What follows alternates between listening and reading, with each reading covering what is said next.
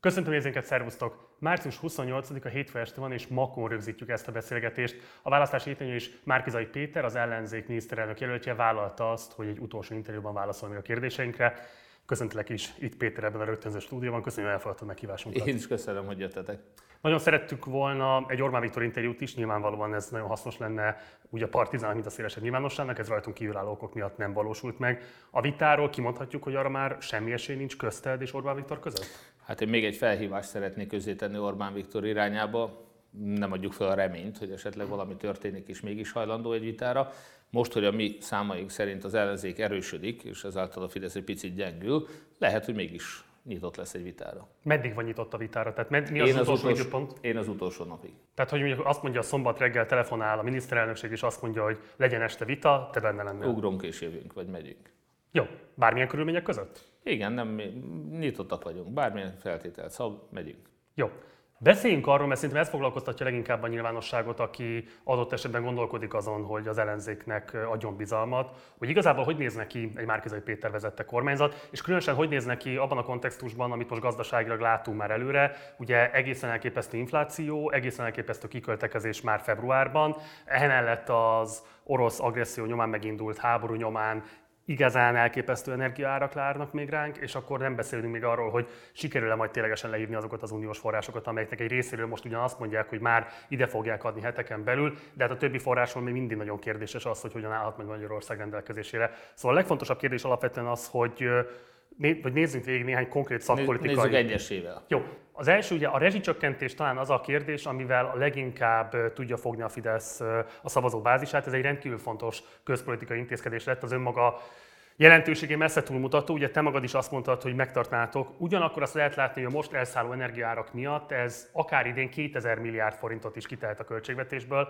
Nehezen tűnik ez fenntartatónak, legalábbis a mértékadó szakértők mindegyike azt mondja, hogy ehhez valamilyen formában hozzá kell nyúlni. Mit kezdenétek a rezsicsökkentéssel? Mi igazságosabbá és fenntarthatóvá szeretnénk tenni a rezsicsökkentést, tehát nem megszüntetjük, hanem továbbfejlesztjük. Elsősorban zöld irányba, tehát mi úgy gondoljuk, hogy az el nem fogyasztott energia az igazi megtakarítás, hogyha már ott tartunk, hogy 2000 milliárd forintos veszteséget bevállal az állam most az Orbán Viktor féle rezsicsökkentésre, akkor ettől már nincs olyan messzi, hogy ha azt mondjuk, hogy 3000 milliárdból viszont felére lehetne csökkenteni a magyar gázfogyasztást. 3000 milliárdból le lehetne szigetelni a kádárkockákat, a paneleket és a többi. Mennyi idő alatt szerinted? Hát ez egy biztos, hogy nem egy éves projekt, de ez egy megtérülő projekt. Tehát szerintem erre okos és felelős kormány felhasználhatná az Európai Uniós támogatásokat, és az Unió erre adna is támogatást. Nem véletlen az, hogy bár Orbán 20%-kal csökkentette annak idején rezsit, Bécsben egy lakásnak az energiafogyasztása évente fele annyi, mint Budapesten. De szerinted a ciklus végéig, hogyha van kormányváltás, pusztán csak az energetikai korszerűsítésekkel ki lehet váltani a rezsicsökkentés költségeit? Energetikai korszerűsítés, megülő energia, hőszivattyú, ugye szigetelés, amire te gondoltál. Én azt gondolom, hogy ez a jövő útja, igen. De addig is fedezni kell valamiből ezeket a rezsikompenzációkat. Ugye itt azzal számol hogy Pletcher Tamásról érdemes beszélni, az Erstének a energetikai szakértője, és ő azt mondja, hogy szerinte kifejezetten az elszálló energiaárak miatt, ami ugye az Ukrajnán keresztül érkező orosz foszilis energiahordozókból keletkezik, szóval hogy ez egy fenntarthatatlan dolog lesz a következő egy évben is akár csak. Ebben a formájában egészen biztos, hogy fenntarthatatlan. Azt nem lehet, hogy a legszegényebb emberek nem kapnak egy fillér támogatást például a fűtésre,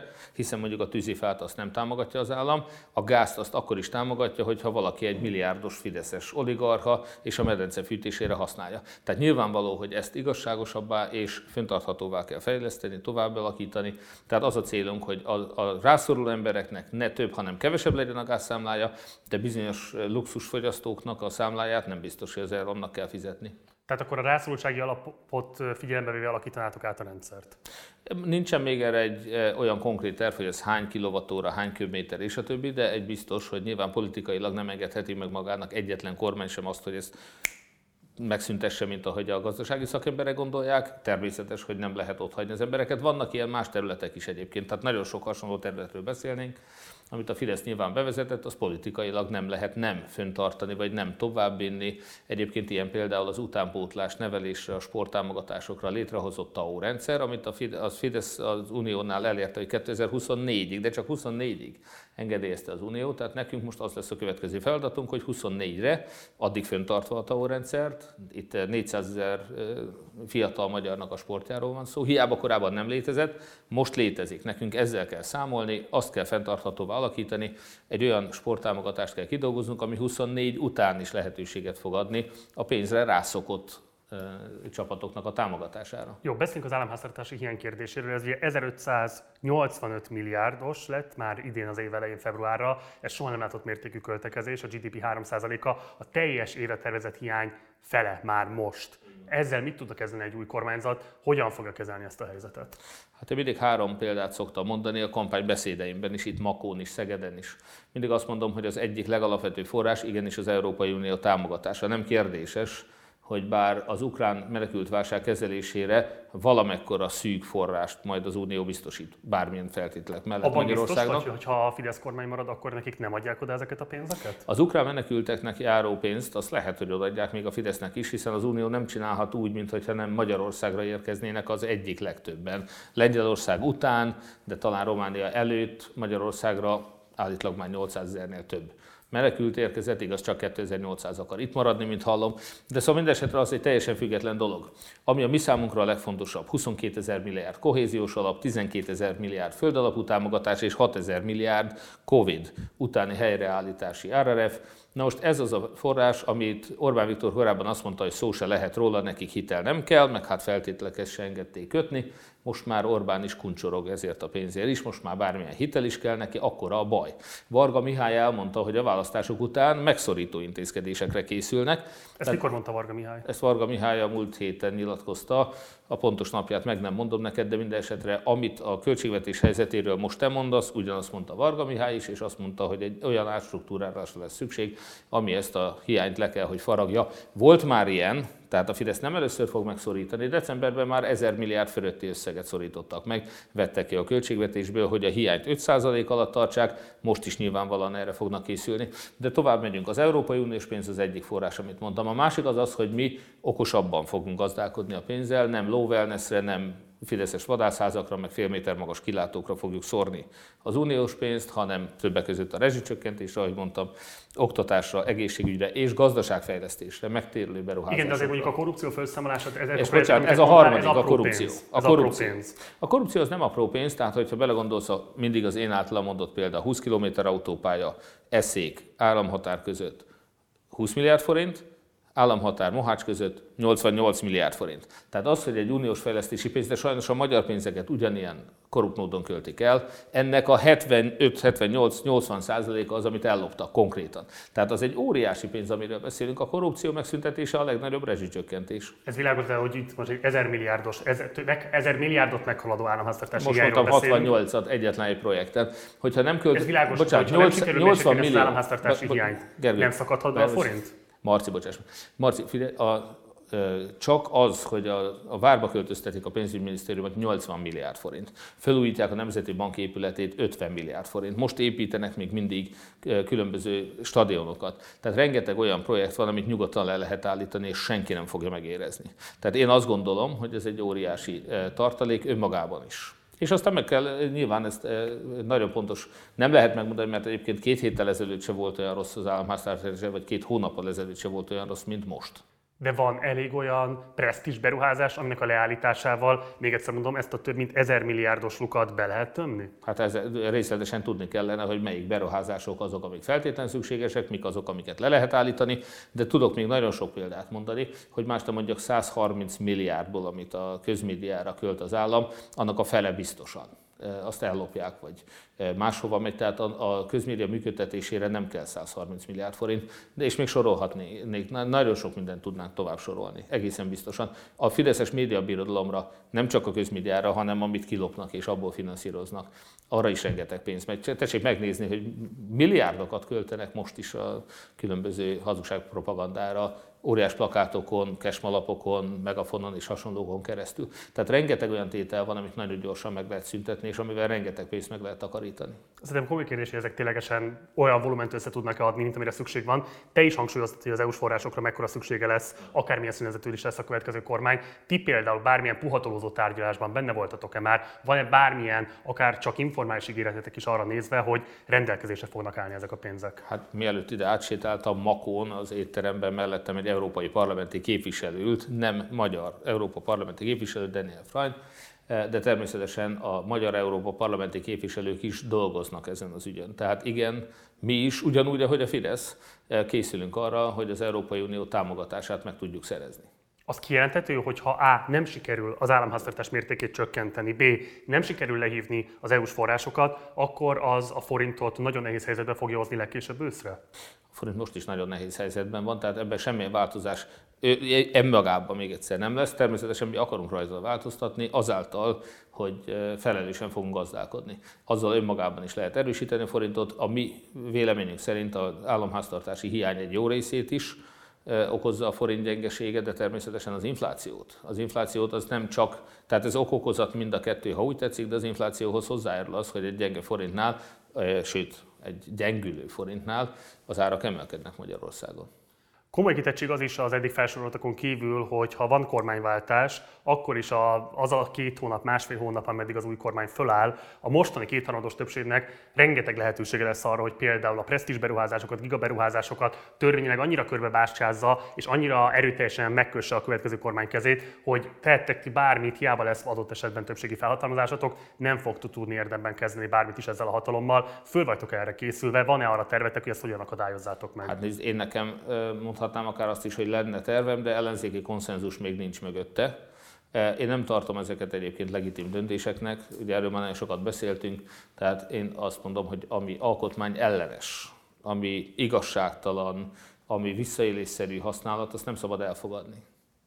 De ugye te korábban többször is egyébként a jogállamiság mellett tetted le a garas, Abszolút, hogyha igen. a Fidesz ezekben a gigaberuházásokban, Kvaks 2, Belgrád, Budapest vasútvonal kilapától több száz milliárdot a költségvetésből csak ebben a két hónapban, arra milyen válaszatok tud lenni? Ugyanaz, mint az egyetemek, oda is kilapátolták az el, a nemzeti vagyont, és azt sem fogjuk elfogadni. E, az, hogy Fideszes magánalapítványoknak átadták a magyar állami egyetemeket, az egy olyan durva visszaértés, egy, egy visszaélés, egy olyan jogsértés, amit nem fogadhatunk el. Többször is kijelentetted azt, hogy nem kívánjátok emelni a személyi jövedelemadó felső kulcsát, de lehet, hogy alsó kulcsokat bevezettek majd. Most viszont a rezsicsökkentés kapcsán kijelentetted, hogy a luxus rezsifogyasztásokat nem kell államilag finanszírozni és dotálni.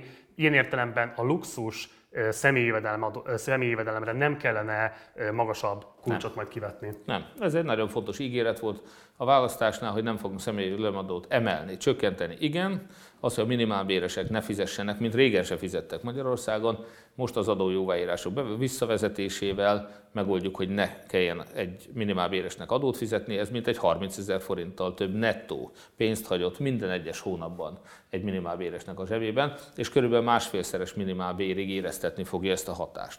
De az államháztartás kitettsége olyan nagy, akkor sem merülhet föl például mondjuk a vagyonadónak a kivetése, akár csak időlegesen is? Nem, nyilvánvalóan nem támogatom. Természetesen azt, hogy az államháztartás helyzetét pontosan hogyan fogjuk javítani, ez még nagyon komoly kérdéseket vet föl, elsősorban akkor, amikor meglátjuk, hogy hogy áll az államháztartás. Én azért vagyok némileg optimista. Egyrészt alapból ellenzem az adóemelést, őszinte vagyok nyilván, ez a köztünk lévő jobbaloldali különbségből is akad, fakad.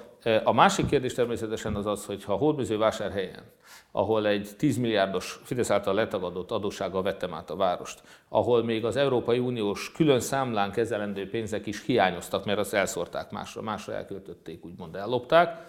Tehát onnan, abból a helyzetből egy kétharmados Fidesz többségű közgyűléssel is ki tudtunk jönni úgy, hogy az elmúlt négy évben mi megszüntettük az ország addigi legmagasabb építményi adóját 30% a lakosságnak, 30%-kal csökkentettük a vállalkozóknak, utakat építettünk, közvilágítást rendbe hoztuk, szelektív hulladékgyűjtést vezettünk be, és a többi, és a többi, és még az adóság 5,5 milliárdját is, ingyenes tömegközlekedést is megoldottuk, és 5,5 milliárdot visszafizettünk az adóságból. Tehát én igenis hiszek abba, hogy ha valaki okosabb és nem lop, akkor nem adóemeléssel, hanem akár adócsökkentés mellett, bérek infláció feletti emelése mellett, minden évben többet emeltünk a béreken hódmezővásárhelyen, tehát igenis meg lehet csinálni, közgazdasági logikával, okosan és nem korrupt módon. Csak felteszem, ezt nem egy két éves Covid után, nem egy háborús helyzetben, nem, nem egy hanem, ennyire beszakadó nemzetgazdasági környezetben tettétek meg. Nem, hanem egy olyan Fidesz mellett, aki elvonta a bevételeinket, aki akadályozta a beruházásainkat, ami egy fillért nem adott, nem emelt nekünk, nem engedett emelni semmilyen bevételt. A lakbéreket nem tudtuk még infláció követően sem emelni,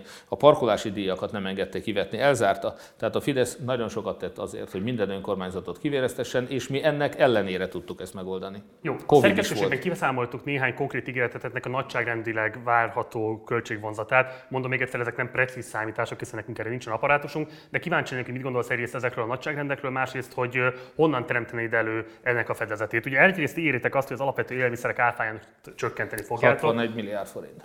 mennyit mondasz rá? 61 milliárd.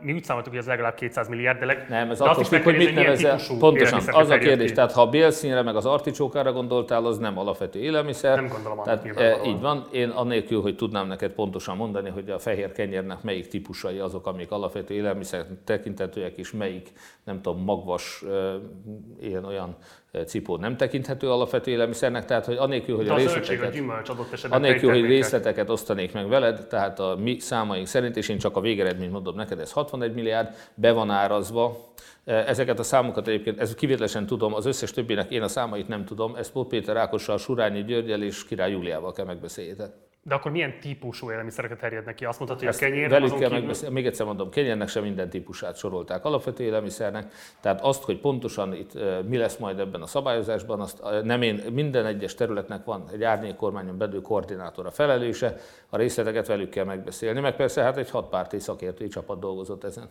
Ugye a rokkan nyugdíjrendszer visszaállítását is ígéritek, sőt azt is mondtátok, hogy... Nem, ilyen nem szerepel elnézést.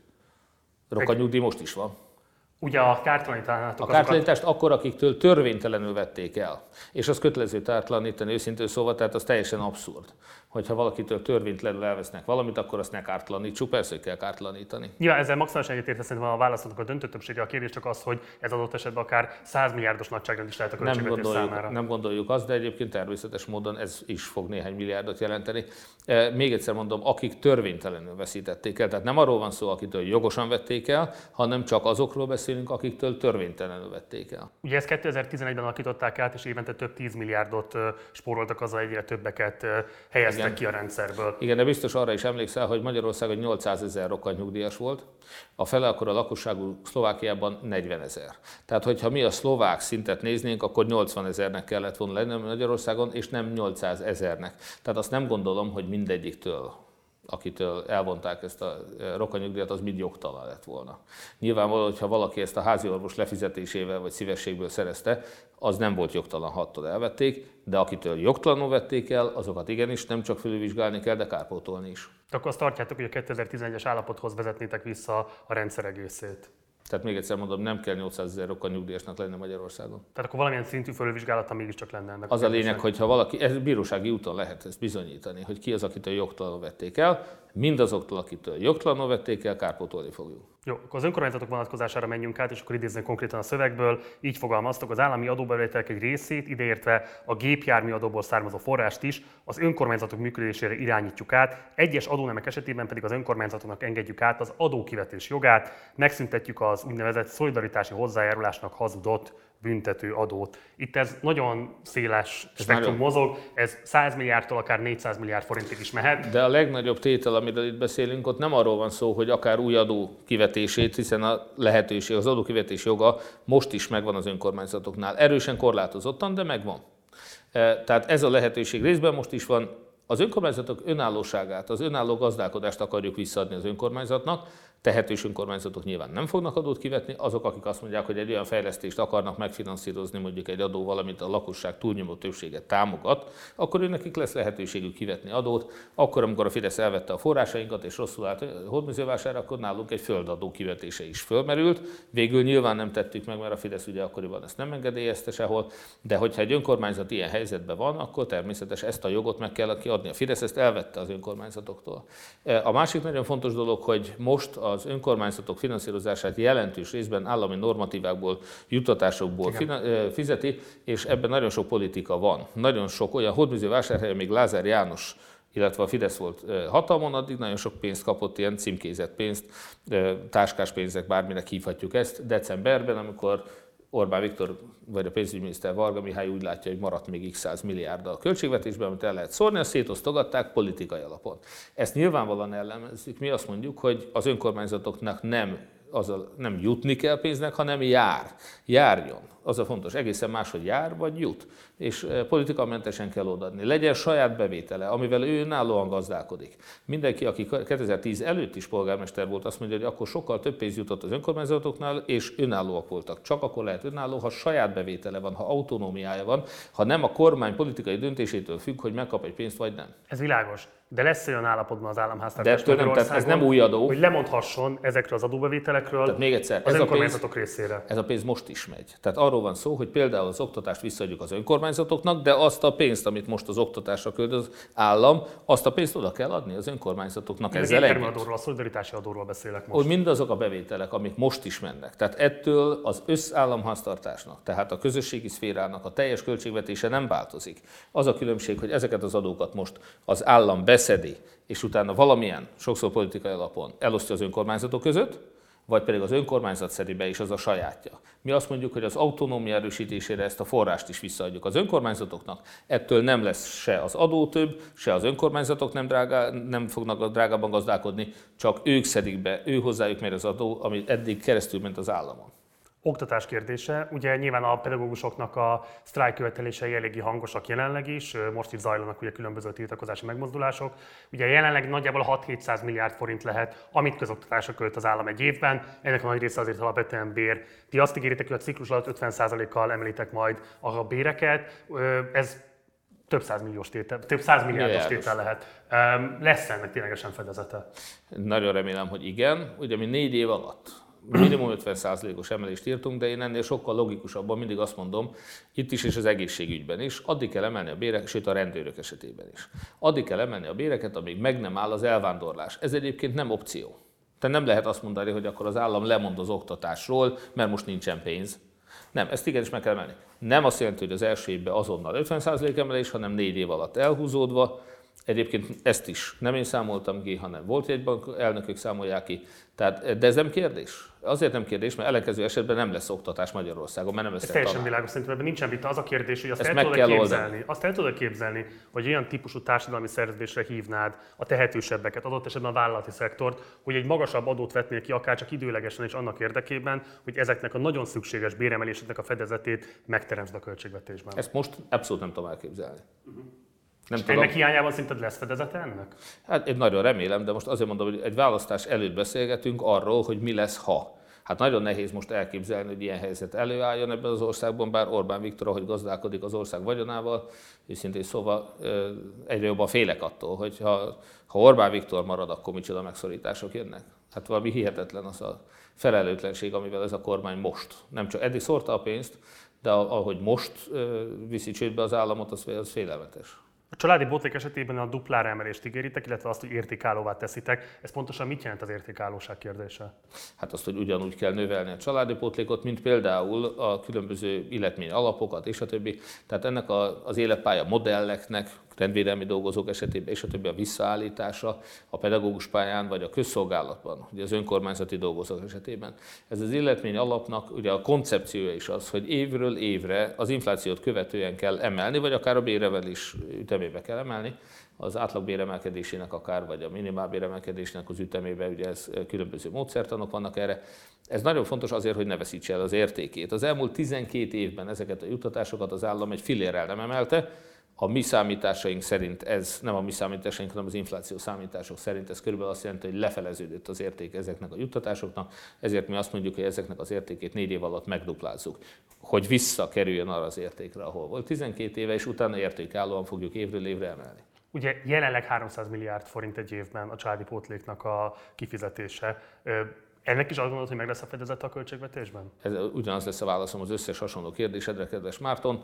Egyszerűen arról van szó, hogy ezt nem én számoltam ki, hanem jegybankelnökök. Ők fölállítottak négy évre egy e, GDP változás, egy gazdasági növekedés, egy inflációs számítást, egy költségvetést, és ebben a költségvetésben osztották, szorozták. A pártok egyesével jöttek a saját program ajánlataikkal és követeléseikkel, és egy csomóra azt mondtuk, hogy bocsánat, nem, erre nem lesz fedezet, nem, erre nincs fedezet. Nem ígértünk beszéltünk olyat például, hogy a 3000 milliárdos, annó, akkor 3000 milliárdos magányugdíjpénztár államosítás, amikor elvették a magyar emberek a magányugdíjpénztárát, hogy ezt majd mi visszaadjuk. Azért nem, mert nincs 3000 milliárd, mi is azt látjuk, hogy erre nincs felezet. Nem ígértünk olyat, hogy valami eszeveszett osztogatásba kezdünk, hiszen nincs rá fedezet.